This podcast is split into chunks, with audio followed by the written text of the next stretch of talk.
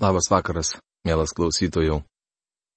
Šiandien toliau keliaujame Senojo testamento puslapiais, nagrinėdami Jobo knygą. Praėjusioje mūsų laidoje mes pradėjom nagrinėti ketvirtą bei penktą skyrius, kurių tema Elifazo lūpomis kalba patirtis. Pirmoji jo kalba. Dabar aš jums perskaitysiu mūsų jau išnagrinėtą šventojo rašto eilutes, kad jūs galėtumėte prisiminti tai, kas ten vyko, ir mes pratesime rašto apžvalgą. Taigi, nuo Jobo knygos ketvirtos kiriaus pirmos eilutės. Tada Elifazas Temanas atsakydamas tarė. Jeigu išdrįstų kas tarti tau žodį, argi nebūsi užgautas? Bet kas galėtų dabar tylėti? Štai tu mokėjai daugelį, stiprinai jų silpnas rankas, tavo žodžiai drąsino sviruojančius, tu sutvirtinai drebančius kelius. Bet kai dabar tai nutinka tau, tu netenki kantrybės.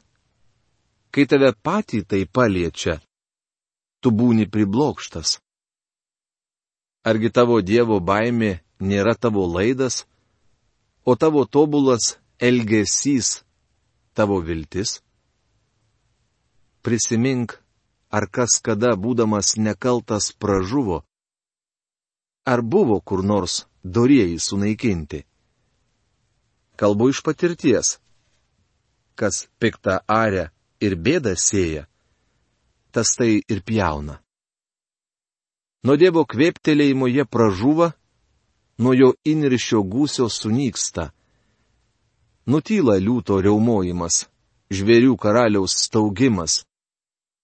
Ir ištrupa liūtų jauniklių dantys. Stiprus liūtas nugaišta, nes trūksta grobio, o jo jaunikliai išsiblaško. Mane slapčiomis pasiekė žodis mano ausis pagavo tylų šnapždėsi. Nuo minčių kilusių iš nakties regėjimų, kai gilus miegas apima mirtinguosius, mane pagavo baimė ir šiurpulys, drebėjo visi mano kaulai. Tuomet vėjas pūstelėjo į mane ir man ant kūno pasišiaušė plaukai. Jis staptelėjo, bet aš jo net pažinau. Tik pavydalas buvo prieš mano akis ir įsiviešpatavo tyla. Tuomet išgirdau balsą. Argi gali žmogus būti teisesnis už Dievą? Argi gali mirtingasis būti be priekaištų prieš savo kūrėją? Štai jis net savo tarnais nepasitikė ir angelus kaltina klaida. Tad ką sakyti apie gyvenančius molio namuose, kurių pamatai dulkės, jie sutraiškomi lengviau negu kandys, nuo ryto iki vakaro jie trinami į dulkes. Nepastebėti jie žuva amžinai. Kai jų palapinės virvelė išplėšiama iš jų, argi jie nemiršta nepažinę išminties? Tad šaukis. Ar atsakys tau kas nors? Į kuriuos iš šventųjų tu kreipsiesi? Iš tikrųjų, širdgėla pražudo kvailai, o pavydas užmuša lepšį. Mačiau kvailai įleidžiant šaknis, bet staiga ėmiau keikti jo buveinę. Jobo ketvirtos kiriaus pirma, penktos kiriaus trečia eilutės. Elifazas apibūdina Jobą kaip vieną iš kvailių, kurie įleidžia šaknis ir tarpsta, bet vėliau pražudomi.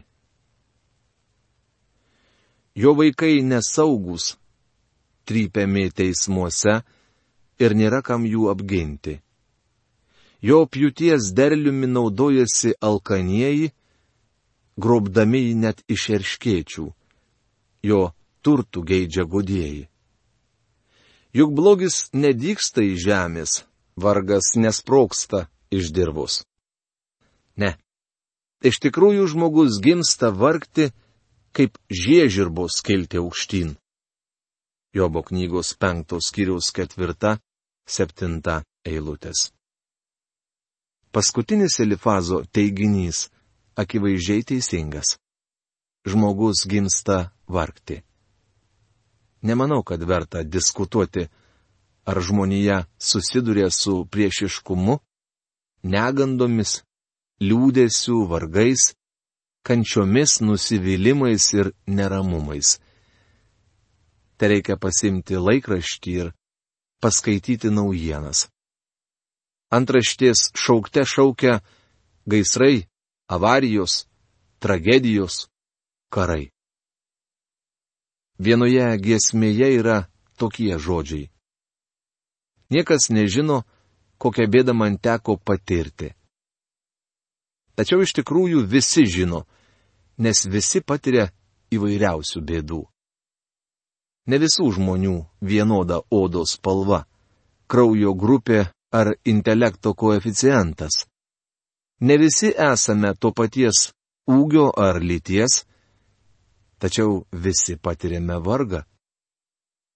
Nei vienas nesame atleistas ar paskiepytas nuo bėdų, dar ne vienam neišsivystė imunitetas nuo sunkumų. Ašras lėja visi. Iš tikrųjų žodis užuojauta reiškia kentėti kartu, o tai šiandien ir daro visa žmonija. Hebrajiškai žmogus yra enaš. Tai yra apgailėtinas. Štai toks yra žmogus. Sakoma, kad nėra nieko pastovaus, išskyrus mirtį ir mokesčius. Iš į sąrašą dar galime įtraukti ir vargus žmogus gimsta vargti kaip žiežirbos kilti aukštyn. Žiežirbos kyla aukštyn, paklusdamos visuotiniam termodinamikos dėsniui. Tai nėra atsitiktinumas ar sėkmė.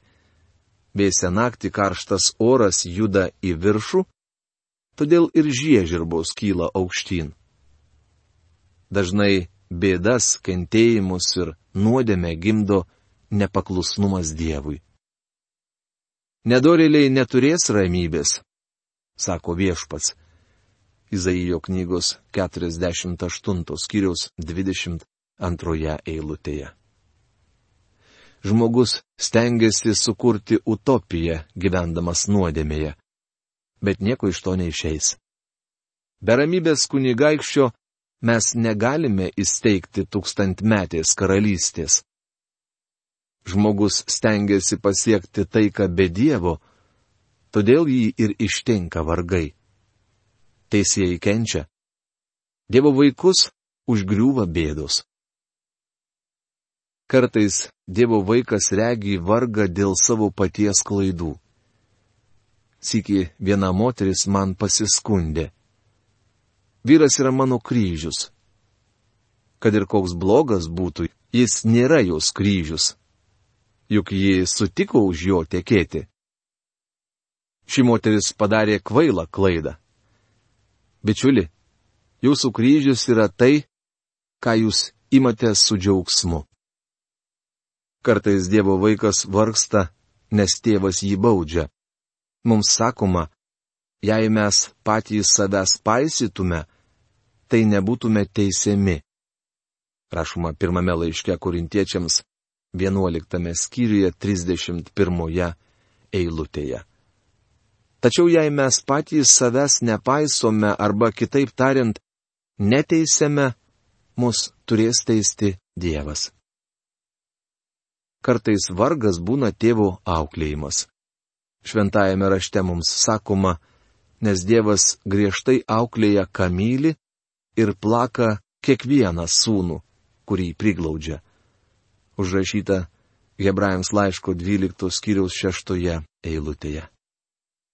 Mozė, kuris faraono rūmose gyveno it inkstas taukuose, verčiau pasirinko su Dievo tauta kesti priespaudą, negu laikinai džiaugtis nuodėmės malonumais. Užrašyta Hebrajams laiško 11 skyriaus 25 eilutėje. Tai buvo Mozės perauklėjimas. Dievas 40 metų Midijano dykumoje ruošė šį vyrą, kad galėtų jį naudoti išvesdamas savo tautą iš Egipto. Taip pat prisiminkite, jog kai Saulis iš Tarso, jaunas ir išdidus fariziejus priėmė Kristų, Dievas apie jį kalbėjo, aš jam parodysiu, kiek daug jam teks iškentėti dėl mano vardo. Rašoma apaštalų darbų knygos 9 skyrius 16 eilutėje. Dievas iš tikrųjų mėtė ir vėtė Paulių. Vargas yra tėvo auklėjimas. Kartais mus užklumpa bėdos, kad išmoktume būti kantrus ir pasitikėti Dievu. Praktiškasis Jokūbas sako, supraskite, jūsų tikėjimo išmėginimas gimdo ištverme. Rašoma Jokūbo laiško pirmos skyriaus trečioje eilutėje. Būna, kad kenčiame vargus, nes Dievas šveičiamuoju popieriumi šlifuoja mus, glūdindamas aštres breunas. Vėliau pamatysime, kad Jobas tai supras bet jis žino kiekvieną mano žingsnį. Tai ištiria mane ugnimi, išeisiu tarsi grinas auksas.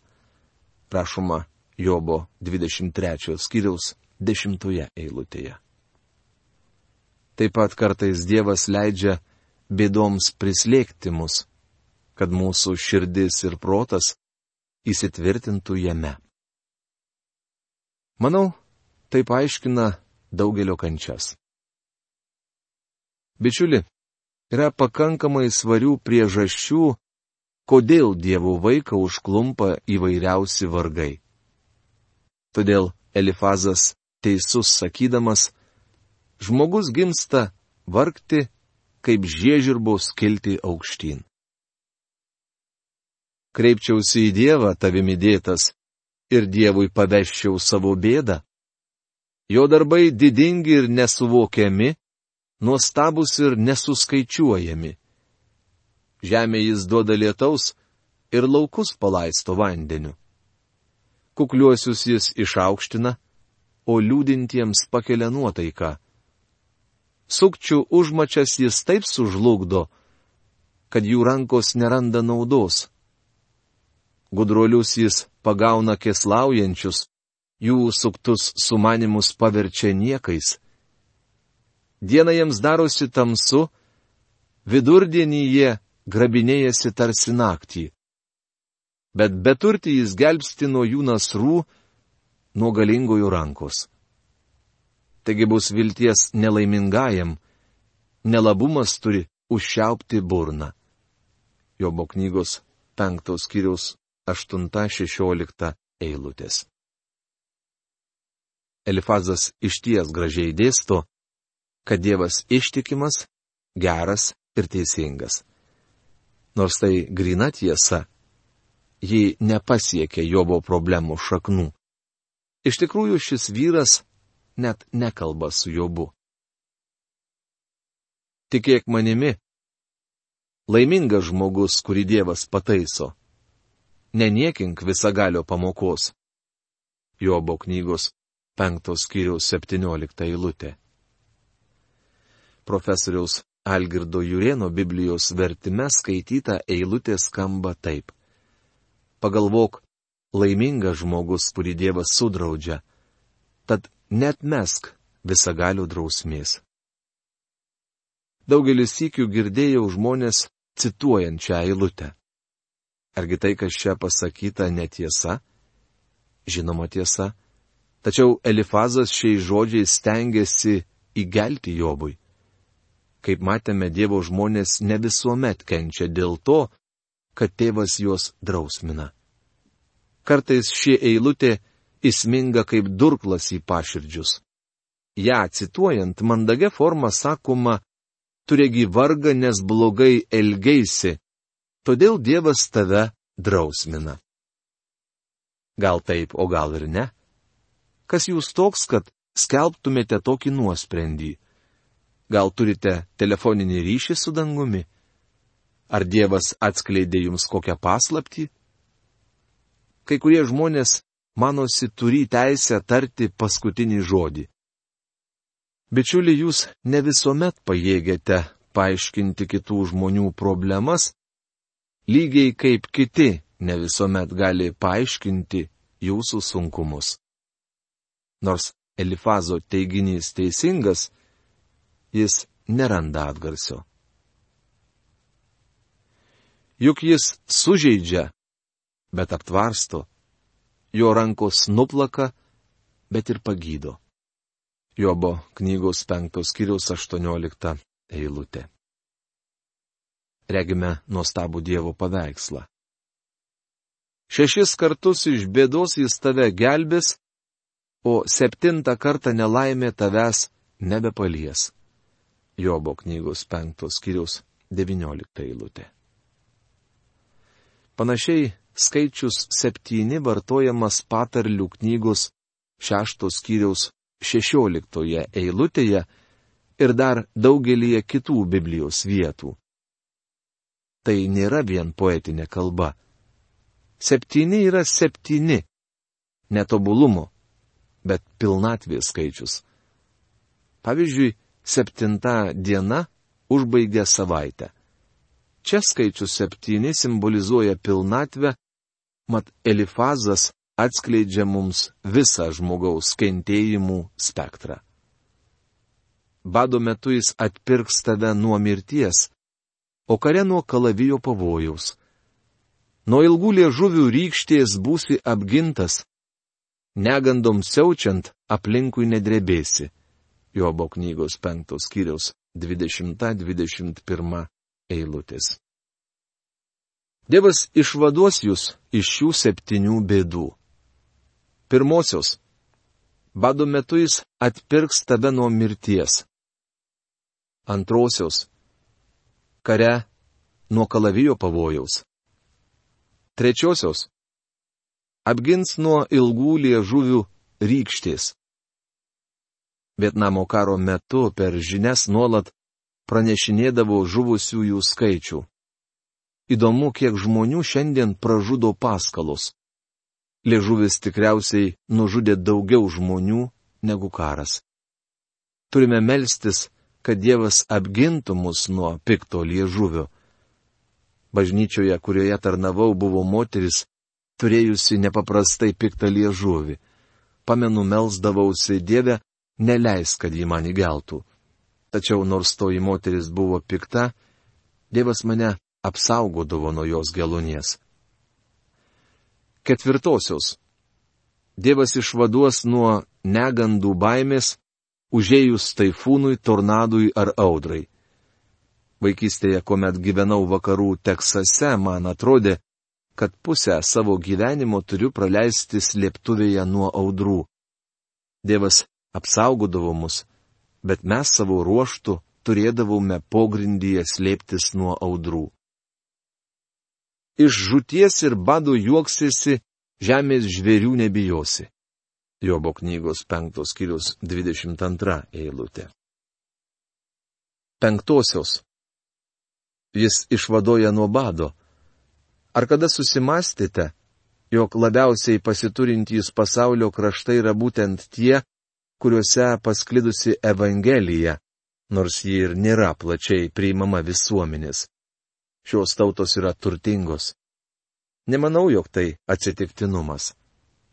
Aš dažnai pagalvoju, kad prie maisto, kurį siunčiame neturtingom šalims, reikėtų įdėti surprizą - Dievo žodį. Žodžio skaitimą lydi palaiminimai. Šeštosios. Žemės žvėrių nebijosi. Dirbos akmenys bus tavo sąjungininkai, laukiniai žvėris elgsis su tavimi taikiai. Matysi, kad tavo palapinė saugi, apžiūrėsi savo avidę ir nieko nepasigesi. Matysi, kad tavo palikonis dauginasi ir tavo ainyje auga kaip žolė laukuose. Į kapą nueisi žilos senatvės sulaukęs, kaip laiku nuneštas kviečių pėdas. Jobo knygos 5 skyriaus 23-26 eilutės. Septintosios. Paskutinė bėda - mirtis.